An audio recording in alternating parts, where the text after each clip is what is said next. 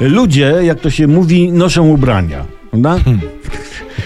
No nie podyskutujesz. No. No nie. Podkreślam to. Zwykle ubraniem chcemy coś powiedzieć, nie? Nazywa się to z angielska fashion statement, dosłownie deklaracja mody. Nie chodzi o to, że swoim strojem pokazujemy jak chcemy, żeby nas inni widzieli. Na przykład mój strój mówi o mnie, to jest bezbarwny nudzioż, boi się chodzić w spódnicach, a nawet jak założy pończochy, to ukrywa pod dżinsami z wypchanymi kolanami. Często facet po 40 plus z brzuszkiem zakłada rurki, nie? Taki koszul w spodzień.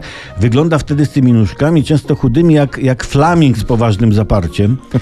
I on komunikuje światu, hej, mam andropauzę i żonę, laski, lećcie na mnie. Znam sporo żenujących dowcipów o intymnych częściach ciała. Jestem fajny. To jest tak zwany wujek obleśniak. No przykłady takie męskie i damskie można by mnożyć. Każdą kreację e, modą dana osoba ma coś do powiedzenia o sobie. Pewną sytuację modową ciężko jednak zrozumieć, bo zwykle młodzi ludzie, ale też nie tylko, chodzą w zimie z gołymi kostkami i podwiniętymi nogawkami powyżej kostek, żeby te kostki gołe było widać. I co oni chcą taką modą powiedzieć, prawda? Pierwsze, co przychodzi do głowy, to jestem głupi, nie?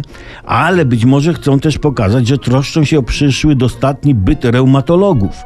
A może to reumatolodzy, to jest teoria Skowrona, zawarli tajny pakt z dyktatorami mody, powiedzieli dyktatorom, hej, chłopaki, nie mówcie nikomu, wprowadźcie modę na gołe kostki w zimie, co, co wam zależy, a my co zarobimy, nie? Dlatego, jeśli rodzice pragną dostatniego życia dla swoich dzieci, niech kierują ich właśnie na reumatologów. No i każą nosić skarpetki.